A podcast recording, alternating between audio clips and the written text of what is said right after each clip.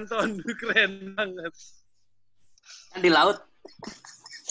Baik. Eh, Assalamualaikum warahmatullahi wabarakatuh. Selamat siang, selamat sore teman-teman semua.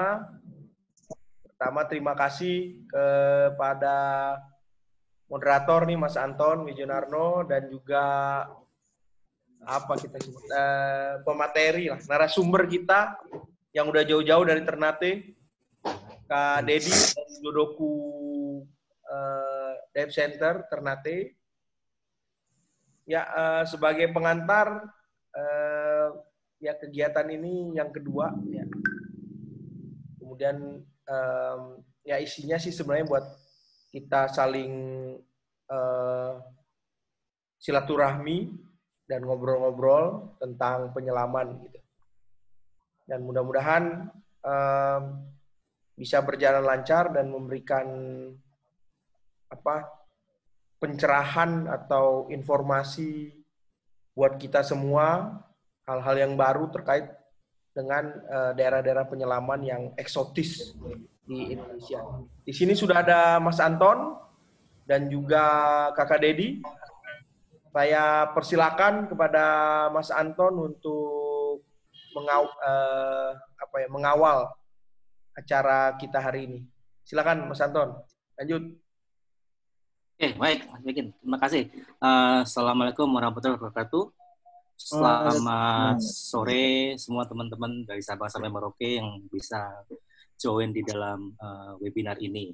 Uh, kali ini kan kebetulan karena MSTDS uh, menghost acara yang sisi kedua ya, karena sisi pertama kemarin sudah diselesaikan dan sekarang kita lanjut ke sisi kedua terkait dengan uh, salah satu kalau kita sebagai David itu adalah uh, cerita tentang apa sih night dive itu gitu dan mungkin yang menarik karena kita nanti akan berbicara night dive yang ditemukan di Ternate seperti apa gitu. Ya sebagai catatan aja jujur saya jujur belum pernah menyelam ke di Ternate ini.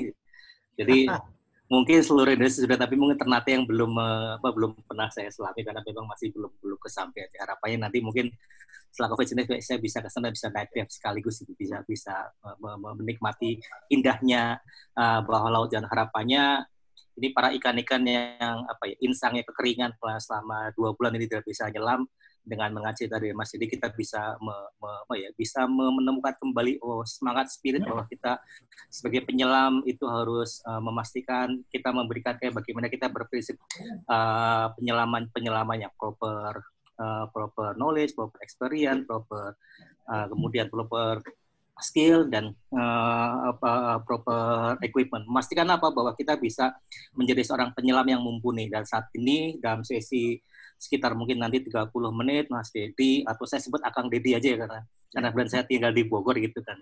Uh, mungkin nanti Mas uh, Akang Dedi dari Ternate akan menyampaikan ini loh uh, uh, biota beraneka rasa, aneka warna yang bisa ditemukan di Ternate dalam konteks untuk ketika penyelaman dive.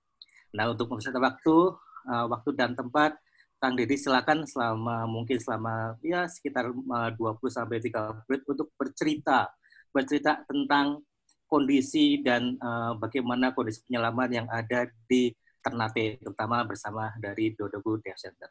Waktu dan tempat Kang Deddy silakan. Oke, terima kasih Mas Anton. Assalamualaikum warahmatullahi wabarakatuh dan selamat sore di Ternate. Siang masih di Jakarta ya?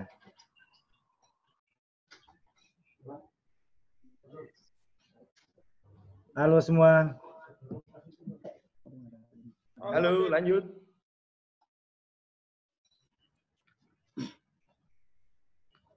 Silakan. Boleh. Ya.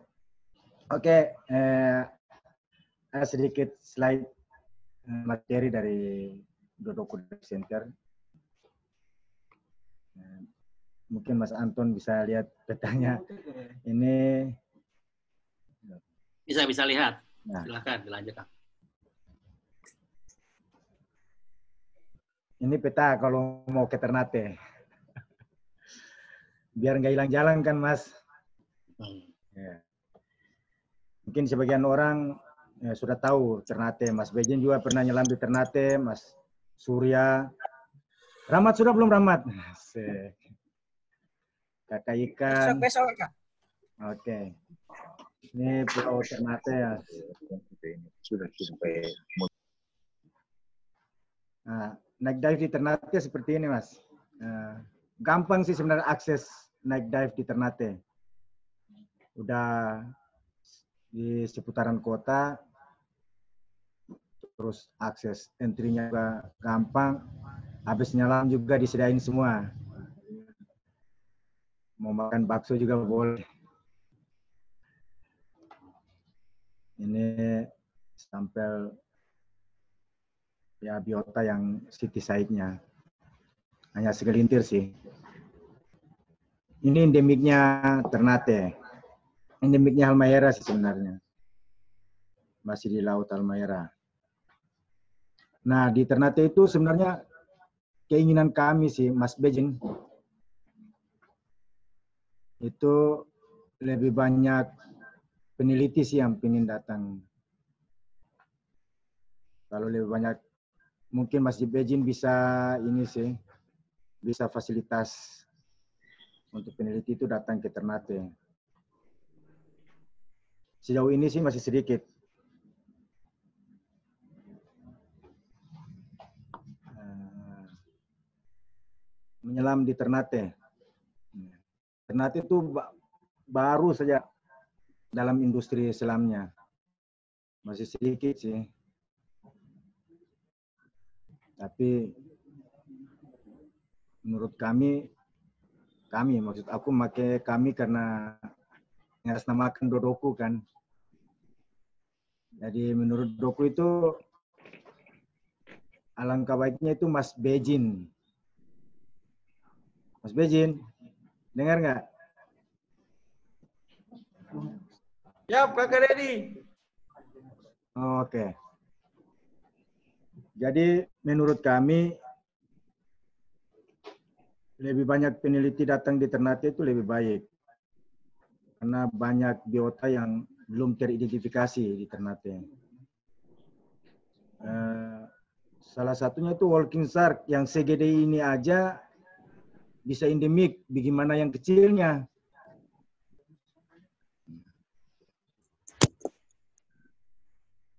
Jadi kalau banyak peneliti datang, begitu banyak juga biota yang teridentifikasi di kota Ternate. Belum hal mahirannya ya kota Ternate dulu. Itu menurut kami.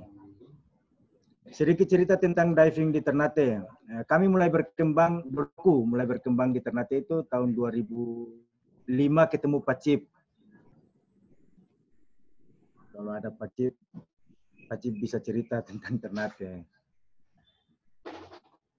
2005 ketemu Pacip, 2006 mulai sertifikasi, 2007 ikut sama-sama Pacip untuk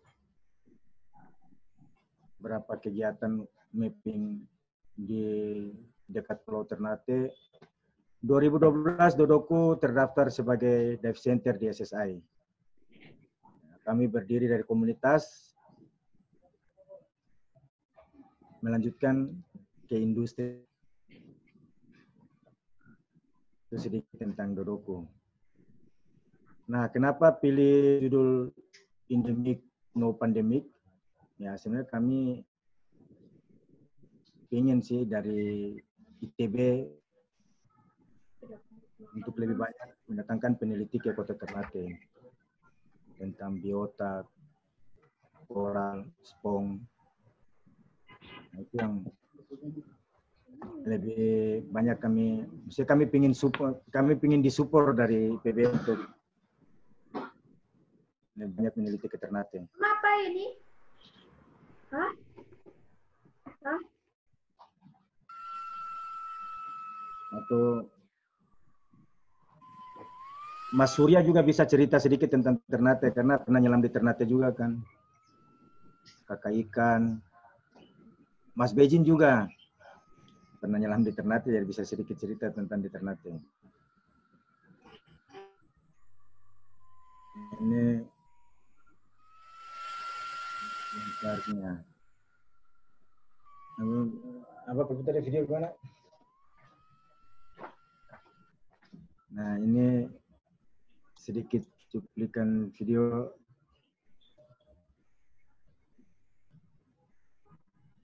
kalau kita naik dive di Ternate.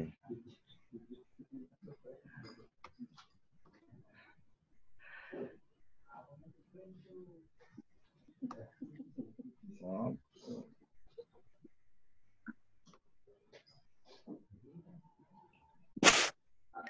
Eh,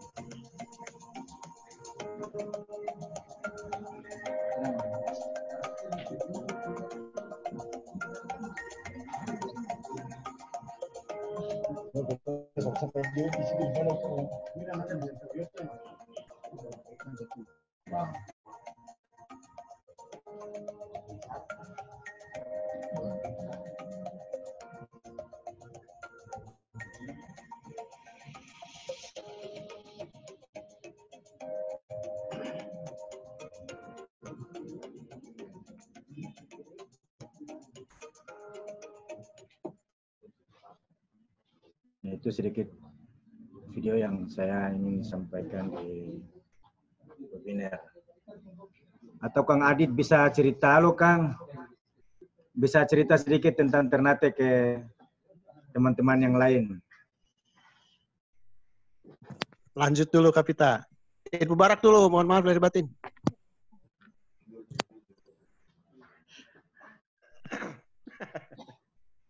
Ya, Lanjut dulu, lanjut, lanjut. Itu sedikit gambaran saya tentang nyelam di Ternate. Atau ada yang ingin bertanya tentang Ternate, kebetulan banyak nih, ada Kang Adit di sini, ada Mas Bejin, ada Surya juga yang pernah nyelam di Ternate.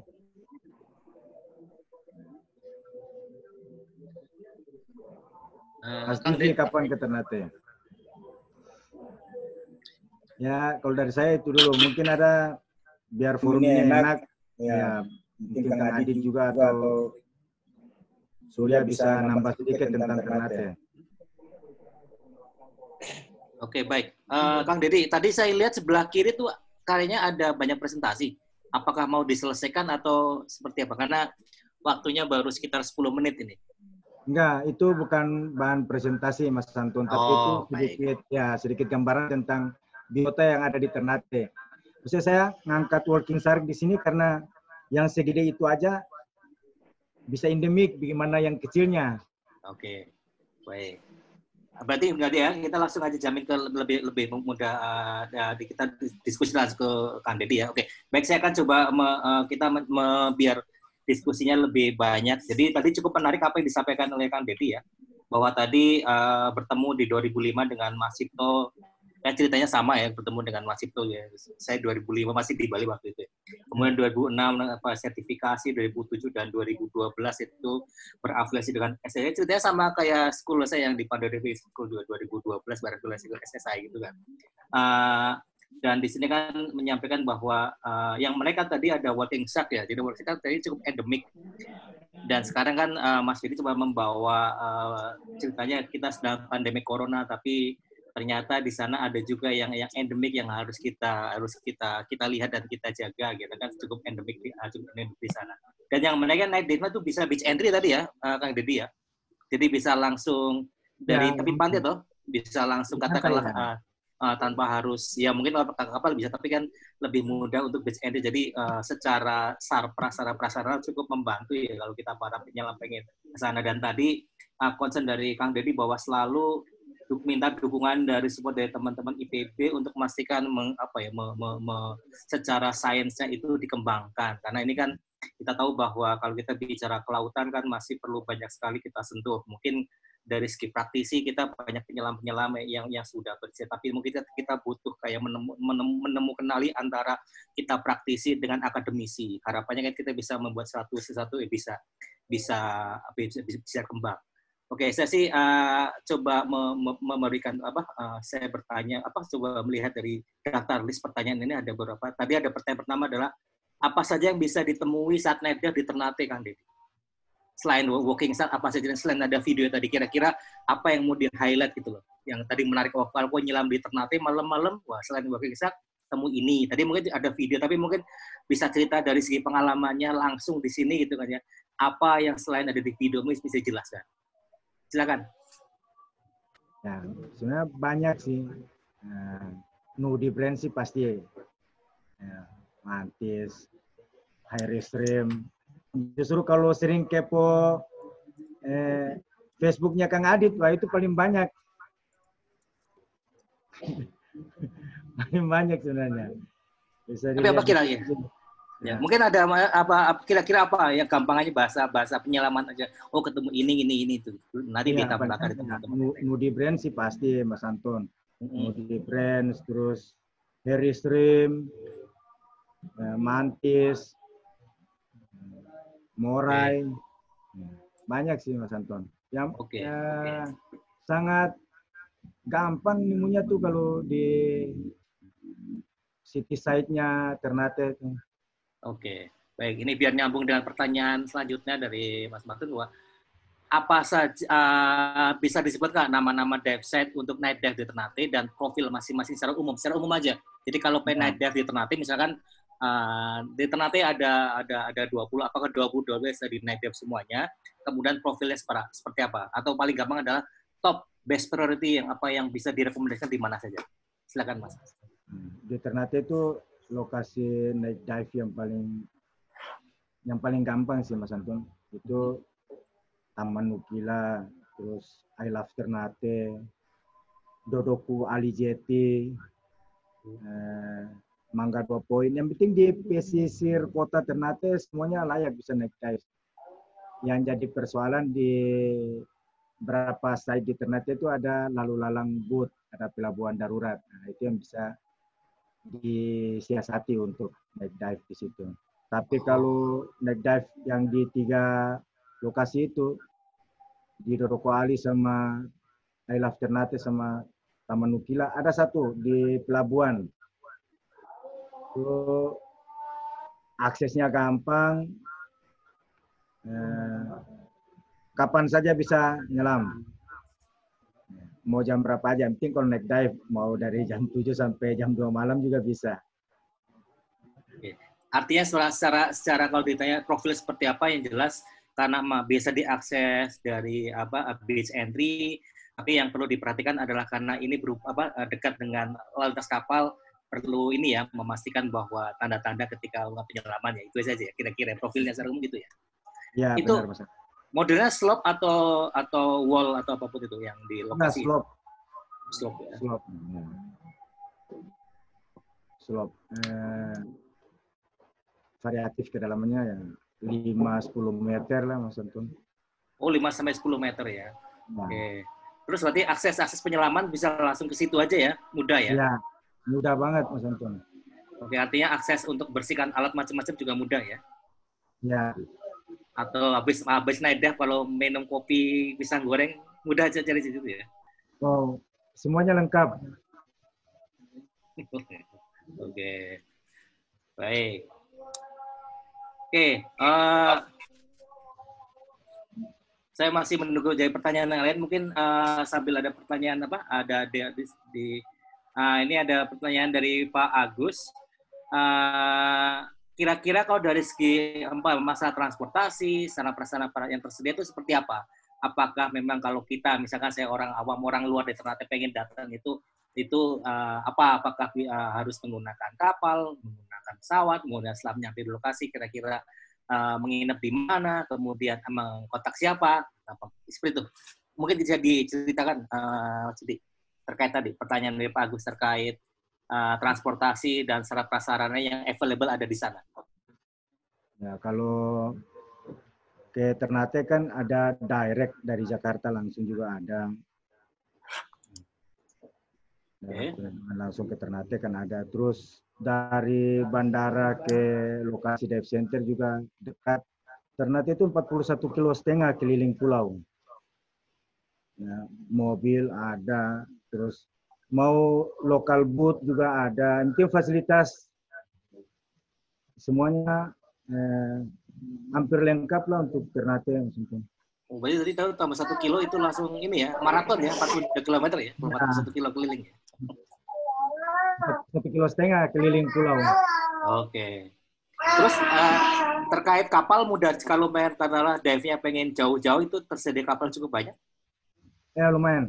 Ada, Mas Anton. Ya, Oke. Kalau ada. Ya.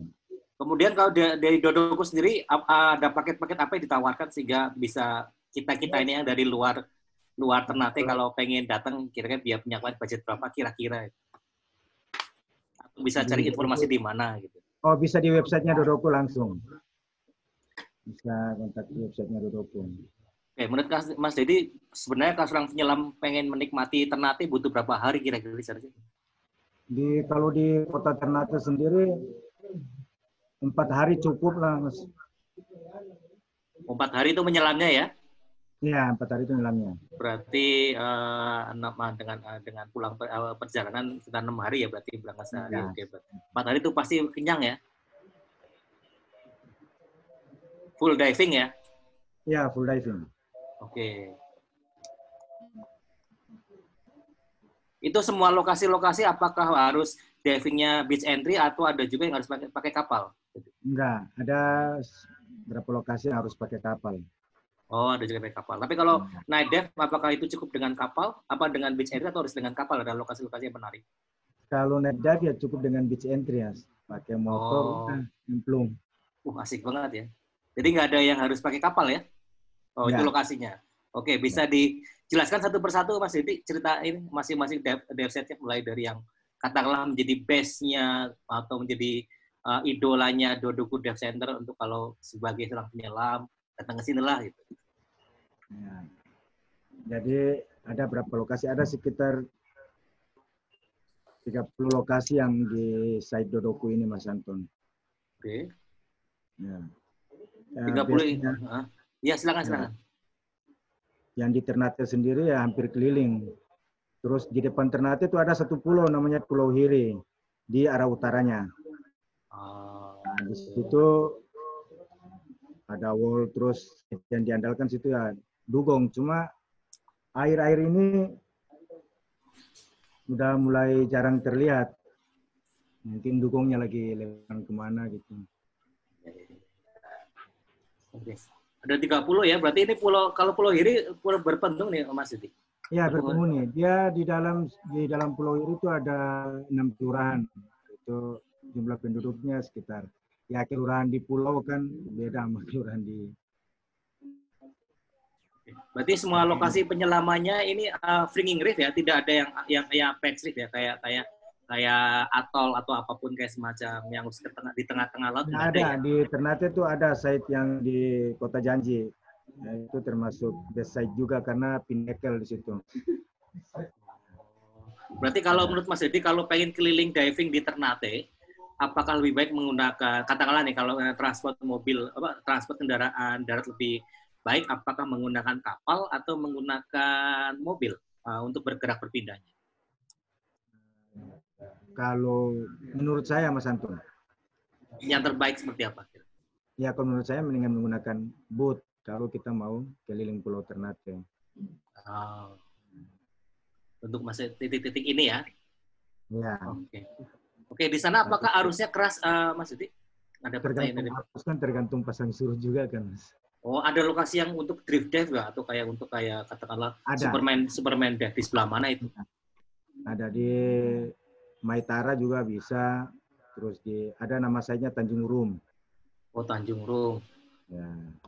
Oke, ini dari lokasi-lokasi ini eh, menurut Mas Dedi kira-kira yang katakanlah eh, kalau menyelam eh, memberikan kesan yang berbeda itu daripada yang lain di, di titik mana kira-kira? Itu di Kota Janji, terus Kota Jeje yang mana ya? Bisa di, bisa ditujukan di ini? Kota Janji itu di arah selatan. Ada Danau Ngade, dekat Danau Ngade. Oh, nomor tiga itu ya. Oh, ada danau kecil itu ya. Ya, depan Di- situ mas. Di situ site-nya Pinnacle. Oh, ada Pinnacle. Hmm, Ya. menarik. Sama di Pulau Hiri.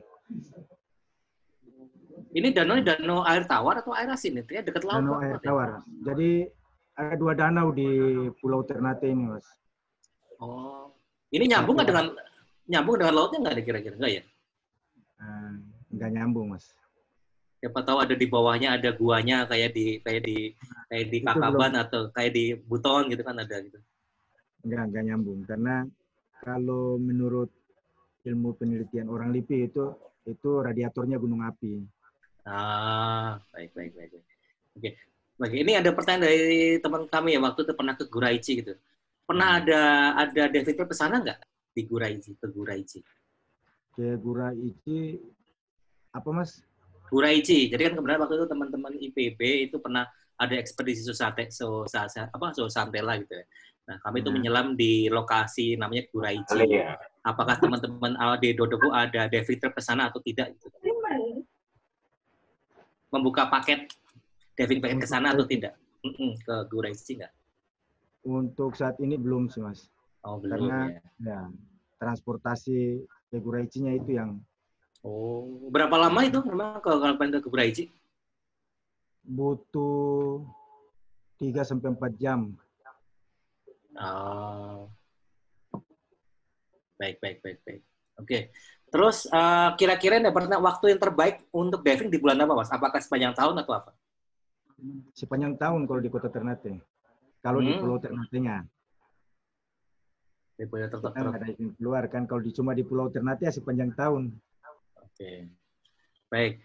Ini saya eh, saya baru baca dari list pertanyaan. Oke, mungkin saya akan buka langsung pertanyaan kalau yang belum mampu apa ya biar lebih detail lagi mungkin saya eh, mengajak eh, para peserta di sini untuk bertanya. Silakan yang mungkin saya bisa dari raise hand pertama atau bisa menyampaikan dulu eh, mengaktifkan mengaktifkan videonya biar nanti saya mencoba untuk fasilitasi dengan Mas Didi itu. Monggo untuk peserta silakan yang mau bertanya langsung biar lebih enak mungkin. Yang bertanya pertama Oke, dapat Mas. Rofat. Mas Rofat. Silakan, Mas. Silakan di unmute. Silakan di unmute. Silakan, monggo. Oh, siap. Ini mau tanya kalau saya baru belajar menyelam, terus mau menyelam malam di Ternate itu ada kebutuhan khusus atau ada trik-trik yang harus saya sediakan? Yang paling Demikian. pertama, yang paling pertama Rofat punya lighting sendiri. Karena dive center kadang tidak menyediakan lighting. Oh. Baik.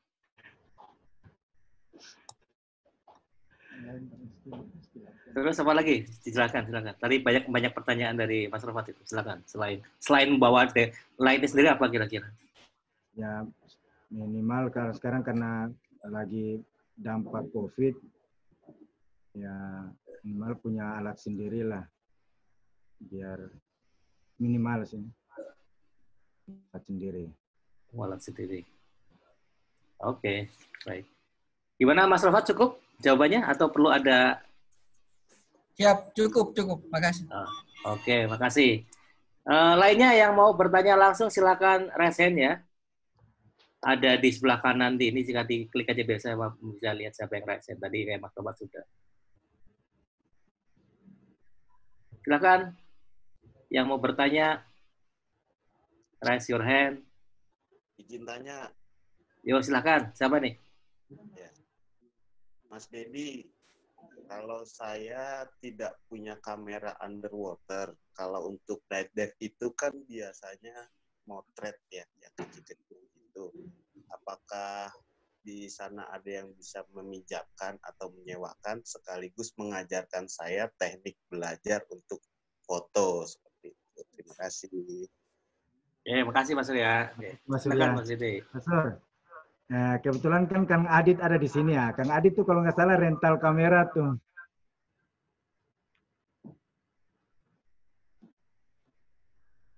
Kang Adit tuh rental kamera. Jadi kalau mau belajar foto di Kang Adit. Kebetulan Kang Adit ada di sini. Mungkin Kang Adit bisa jelaskan tentang foto di sini.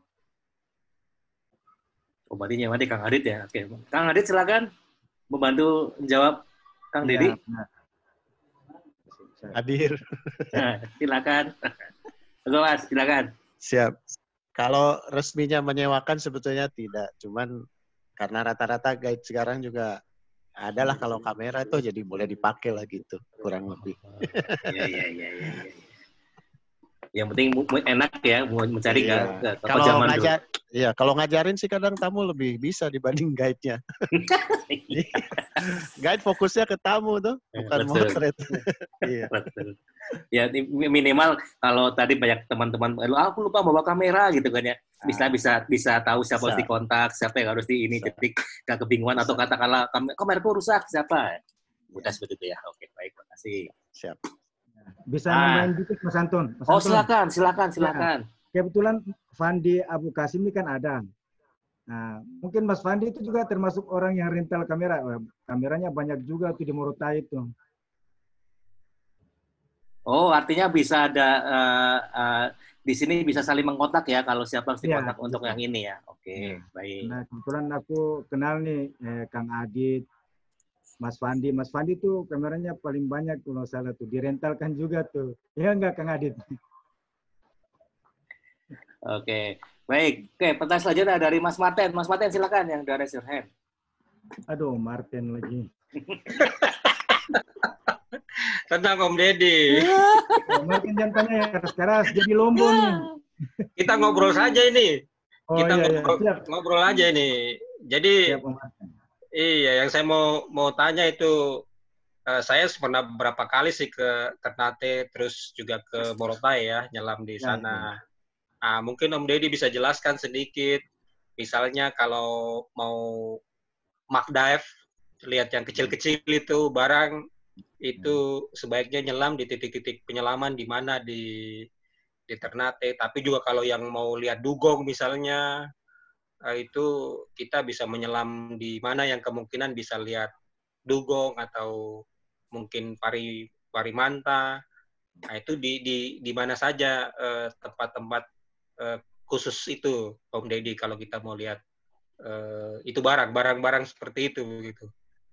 Ya, Jadi kalau di, ya, makasih Om Martin. Eh, pertanyaannya memang berat juga Om Martin, tapi dia dinikmati dengan ringan saja. Oke, silakan, silakan. Jadi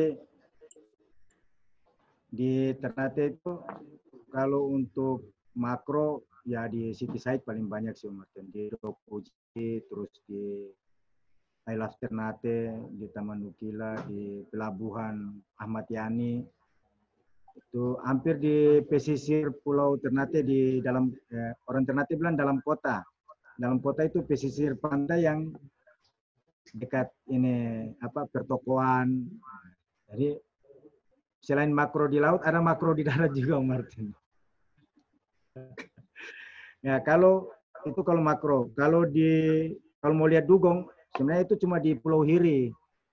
Cuma eh, tidak garansi sih Om Martin karena ya belum ada yang neliti memang apa habitatnya di situ dia stay atau dia cuma numpang lewat atau apa itu belum ada yang sampai sekarang belum ada peneliti tentang dugong yang ada di Hiri. Terus kalau manta di Pulau Ternate mungkin numpang lewat, iya ada, pernah ketemu. Tapi kalau stay seasonnya di stay seasonnya manta itu di Talimau. Ya kan ya? Manta, manta, manta. Iya di Talimau. Dia ke Gu- Guraichi biasanya dibilang. Depan Pulau Guraichi itu ada Pulau Talimau. Oke. Kalau hiu ya pasti hiu di mana Om? Kalau hiu di mana Om? Morotai dong Om. Iya di itu ya di pulau itu ya. Itu Om Fandi yang paling Ya, itu Fandi Om. Babnya Fandi itu. Oke. Baik, oke, cukup ya. Eh, jawabannya oke ini ya, Pak Agus Widayanto dan nanti lanjut ke Pak eh, Mas Kakak Ikan dengan bertanya. Pak Agus, eh, silakan bertanya langsung ke eh, Kang Deddy. Pak Agus. Selamat sore, Kang Dedi. Apa kabar? Alhamdulillah Om Agus sehat. Om Agus apa kabar? Baik, Alhamdulillah. Semoga selalu diberikan kesehatan. Amin. Ya, saya bicara dari segi pemerintah nih. Ya. Eh, bagaimana eh, peran pemerintah nih? Pemerintah maksudnya adalah pemerintah daerah gitu. Bagaimana peran eh, pemerintah daerah? Kemudian bagaimana juga dengan eh, peran KKP ini apakah sudah masuk ke sana apa belum nih dari Direktorat Jasa Kelautan? Sementara itu dulu nih, nanti nyambung lagi. Ya, ya Mas Anton. Terima kasih Mas Agus. Ya, ini Mas Agus peran pemerintah daerah untuk sementara ya kalau support pemerintah daerah ke dive center atau dive operator yang ada di Kota Ternate ya rada-rada malu lah Om Agus. Maksudnya Malu kenapa itu? malunya kalau mau support benar-benaran juga belum pasti, mau support yang ya, yang jos gitu juga belum terlalu kelihatan. Terus regulasi untuk industri selam di Ternate juga belum ada. Terus peran KKP di Kota Ternate. Mungkin Mas Adit bisa jelaskan tentang peran KKP di Kota Ternate. Hadir. Ya. Ya, Mas Adi. Kalau kalau peran pemerintah itu Bang Dedi itu dia pemerintah itu sebetulnya. Mas Adit. Jadi Kalau ceritanya ya. ceritanya begini nih, KKP punya di Direktorat Jasa Kelautan punya program yang namanya Dewi Bahari. Desa Wisata Bahari ini sedang dikembangkan mulai dari eh, tahun ini gitu. Udah banyak eh, daerah yang dibantu mungkin ya. Sementara ini dibantu dengan tadinya dibantu dengan program baik itu eh, dukungan sarana prasarana untuk wisata bahari, kemudian dukungan ada rumah apa namanya pondok informasi dan sebagainya gitu termasuk alat selam gitu ya mungkin nanti eh, teman-teman di sana mungkin bisa membentuk kelembagaan yang pasti kelembagaan masyarakat ya bukan kelembagaan dive center tapi kelembagaan masyarakat ya dikumpulkan kemudian nanti eh, dibentuklah kelembagaan dari eh, dukungan dari pemerintah daerah, dari dinas pariwisata dan sebagainya nanti bisa diusulkan gitu ke Direktorat Jasa Kelautan. Kemudian Jadi dasarnya terkait- desa wisata ya Om. Ya, desa wisata. Namanya Dewi Bahari, Desa Wisata Bahari. Kemudian terkait dengan ini nih, kita kan eh, dari lembaga sertifikasi profesi nih, khususnya untuk eh, pemandu wisata selam nih. Saat ini sudah ada standar kompetensi nasional Indonesia SKKNI untuk pemandu wisata selam dan pemandu wisata snorkeling. Apakah teman-teman sudah mengetahui dan sudah ikut serta di dalam uji kompetensi sehingga memiliki SKKNI atau sertifikat kompetensi dari Badan Nasional Sertifikasi Profesi? Sudah dua kali Om. Oh, sudah dua kali ya? Iya, terakhir 2017 ya, Idet. 2017 ya. Baik. Mungkin itu eh, kemudian eh, terkait juga dengan eh, kelembagaan yang khususnya untuk dive center ini kan ada saat ini kan eh, PUSI kan perkumpulan usaha wisata selam eh, sudah banyak kiprahnya gitu walaupun belum sampai ke daerah-daerah gitu mungkin nanti bisa ikut gabung mudah-mudahan udah ikut gabung ya UBC ya, PUBSI ya. ya PUSI Ya, ya, Pusi. Perkumpulan Usaha Wisata Selam Indonesia. Iya. Oke. Baik, terima kasih Pak Bagus atas penjelasannya.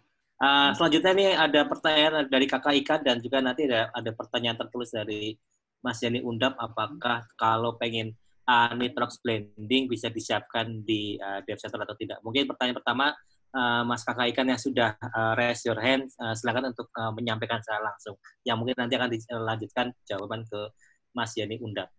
Uh, silakan Ma, Kang Didi untuk jawab. Nanti mungkin uh, Mas Kakak Ikan silakan menyampaikan dulu. Pertanyaan apa?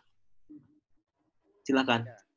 Iya baik, Eh, terima kasih eh, teman-teman semuanya, Kang Adit, Om Agus, eh, Kakak Dedi, semua senior-senior saya, Om Martin, semuanya.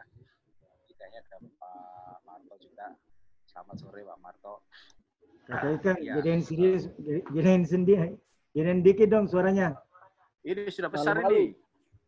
Iya. Eh, eh, begini, kita kan lagi baru belajar moto ini. Saya lagi bela- baru belajar foto. Ingin belajar lagi sama senior saya itu kakak Surya. Terus eh, katanya disuruh belajarnya ke Ternate, gitu loh. Nah, disuruh belajar ke Ternate, untuk mencari belajar foto wide gitu loh. Apakah di Ternate itu untuk foto-foto spot diving uh, wide angle itu ada atau tidak gitu. Ini uh, yang ingin yang ingin saya tahu. Jadi kalau memang ada, jadi keinginan saya itu ingin segera ke Ternate biar segera terrealisasi. Sementara itu, terima kasih.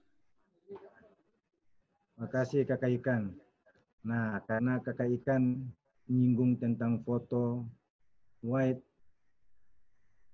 itu sebenarnya apa ya Ikan? Untuk spot diving yang ada white-nya, banyak di Ternate sih Kakak Ikan. Karena foto, kita kembali lagi ke Kang Adit. Ah, Kang Adit itu jago foto kakak ikan. Kalau mau belajar, saya sarankan belajar ke Kang Adit. Ya. Dan kakak ikan juga termasuk orang yang jago foto. Iya. Jadi sesama jago Ini bisa pertanyaan jebakan ini. Ya. Tapi yang pasti habis pandemi ini guide-nya pada wide semua ini. Iya. Ya, maka tambah lebar.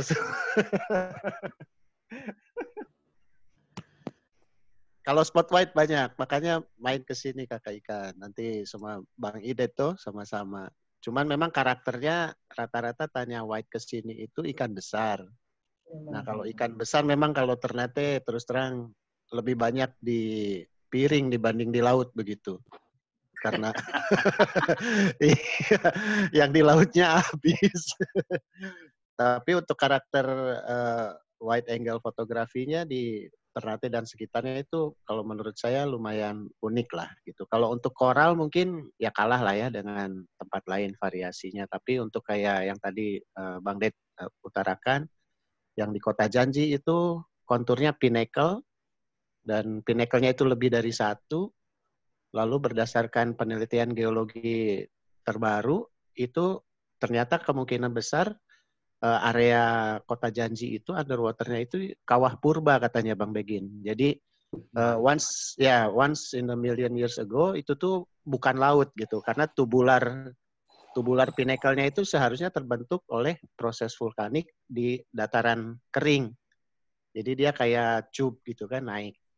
Eh, mungkin entah berapa ribu tahun kemudian baru eh, ke, apa terisi laut begitu. Jadi itu keunikannya kalau yang di eh, apa namanya kota Janji.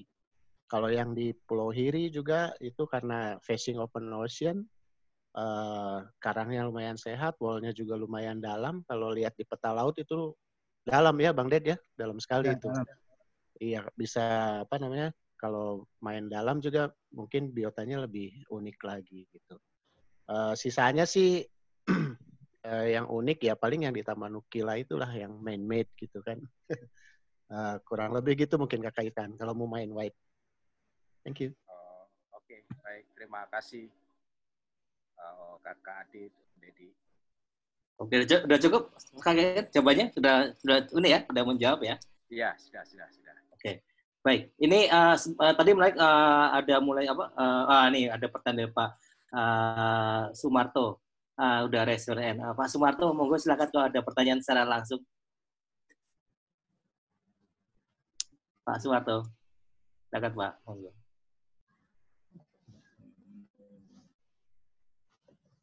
Pak Sumarto.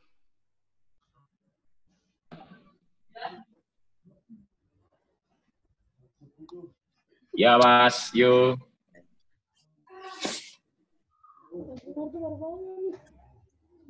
Bisa dengar? Dengar Pak, sudah sudah dengar. Yang pertama, selain kegiatan nyelam itu, ada nggak kegiatan konservasinya? Jadi kalau misalnya ke sana jauh-jauh, saya tuh hanya nyelam-nyelam aja kan, kita pada waktu kita istirahat dan perlu kegiatan-kegiatan lain. Apa saja yang kegiatan lainnya, termasuk kegiatan konservasinya apa. Terus yang kedua, dukungan dukungan anu apa namanya misalnya ada chamber atau dukungan kesehatan lah untuk bantuan kesehatan. Bagaimana kondisinya di Ternate? Makasih. Terima kasih Mas Marto. Untuk kegiatan konservasi ya pasti ada Mas. Selain transplantasi, ya kebanyakan sih transplantasi sih Mas untuk Pak Said yang memang rabel, sengaja kita bawa diver ke situ. Biar kalau mereka mau meretribusikan karang, ya retribusinya di situ, di tempat rabel situ. Terus ada juga bakti sosial di area pesisir. Ya biasalah kegiatan-kegiatan seperti itu. Tapi kalau untuk chamber belum ada di Ternate. Untuk chamber tuh di Ternate belum ada. Yang paling dekat ya Manado. Oke. Manado ya terdekat ya. Di Mortai kalau untuk sementara waktu informasi terakhir ada sih Mas. Suwarto. Itu aja dari saya. Mas Suwarto. Baik, makasih. Uh, sudah cukup Pak Sumarto jawabannya? Ya, cukup ya. Oke, makasih Mas Sumarto. Uh, Mas Dedi ini ada pertanyaan dari Mas Yani Undap terkait kalau pengen uh, apa nitrox diving, uh, nitrox blending uh, bisa disediakan oleh uh, dari Dodoku Dev Center nggak? Nah, belum ada Mas. Trox di Dodoku belum ada. Oh, belum ada. Tapi kalau ini ada di DC ada di Ternate nggak? Atau Nggak kalau ada. pengen nggak ada ya? Berarti harus katakanlah harus live board ya, kalau bisa ya, kalau mau ya, biasanya. Oke, berarti masih belum bisa nih. Tadi pertanyaan dari Mas Yani terkait yang ini untuk menyiapkan uh, apa tabung untuk uh, uh, nitroxnya. Oke, ini ada pertanyaan bagus dari Pak Agus terkait cara di- disinfektan. Seperti sebenarnya uh, uh, sudah di- dibahas di grup SSI Pak Agus. Uh, saya nggak tahu tidak mengikuti. Mungkin nanti bisa di bisa di bisa di apa di apa dilingkan dengan teman-teman terkait istilahnya kan ini persiapan setelah masa pandemi berakhir bagaimana kesiapan teman-teman dev center me- mengantisipasi ini? Jadi perlu apa saja antisipasi peralatan macam-macam itu sudah ada sudah dibahas kok sesuai kan kalau nggak salah sesuai standar RSTC kalau nggak salah ya. Jadi mungkin nanti bisa menggunakan apa yang ada di situ. Mungkin nanti kalau ada teman-teman yang terkait ini bisa bisa menambahkan saja. Eh, mau saya langsung ke Mas Begin ya karena tadi banyak teman eh, banyak dari Mas Dedi, Mas eh, Kang juga Mas terkait bahwa ada ada apa ada ada pinnacle. Kira-kira dari Mas Begin sendiri dari konteks science, kira-kira mereka di mana Mas Begin terkait yang kita diving di Ternate? Baik, Eh, terima kasih untuk apa ya pertanyaannya. Ya Ternate yang menarik ya kalau dari sisi yang, yang apa? Kenapa begitu menarik kan karena dia pertama dia gunung api ya di situ ya. Nah itu juga satu habitat yang menarik. Ada apa eh, daerah-daerah yang ya bisa berbeda lah. Kemudian karakteristik tadi geologis ya, seperti yang disampaikan oleh apa eh, Kang Adi tadi itu juga eh, menarik. Dan memang em, ya sama saya yakin juga sih yang disampaikan Kang Dedi tadi bahwa eh, banyak juga mungkin eh, biota-biota endemik lainnya yang ya saat ini belum belum ditemukan gitu. Dan menantang sebenarnya buat eh, peneliti ke sana untuk segera menemukan karena laut Ternate itu semakin berkurang tuh kayaknya. Bener nggak, Kang Adit? Jadi sebelum hilang lautnya ya kita eh, harus segera ke sana gitu ya. Nah, di sana kan memang secara akses kalau menurut saya sih eh, nggak sulit gitu ya, terutama kalau yang dari Jakarta karena eh, ada penerbangan langsung dan saya lihat eh, teman-teman ya dive centernya udah udah udah banyak dan bisa apa sih standar ya standar keselamatannya peralatannya emang udah udah bagus. Ya penemuan eh, hiu berjalan ini cuma satu. Ya mungkin di zaman sekarang kembali lagi kita kalau memungkinkan mengeksplor laut yang lebih lebih dalam di sana itu juga bisa ketemu hal-hal yang yang unik ya karena memang di situ tadi ada yang memang dulunya laut dari dulu ada yang eh, bukan laut. Berarti kan ini eh, relung-relung yang di situ bisa diisi oleh eh, biota-biota yang yang berbeda gitu.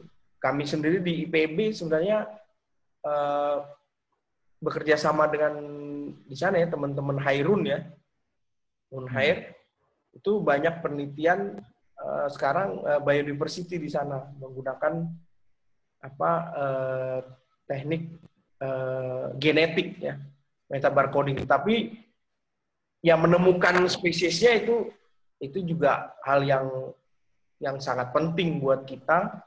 Dan sampai eh, spesies-spesies ini ya ditemukan harus ke luar negeri dulu baru punya nama gitu loh.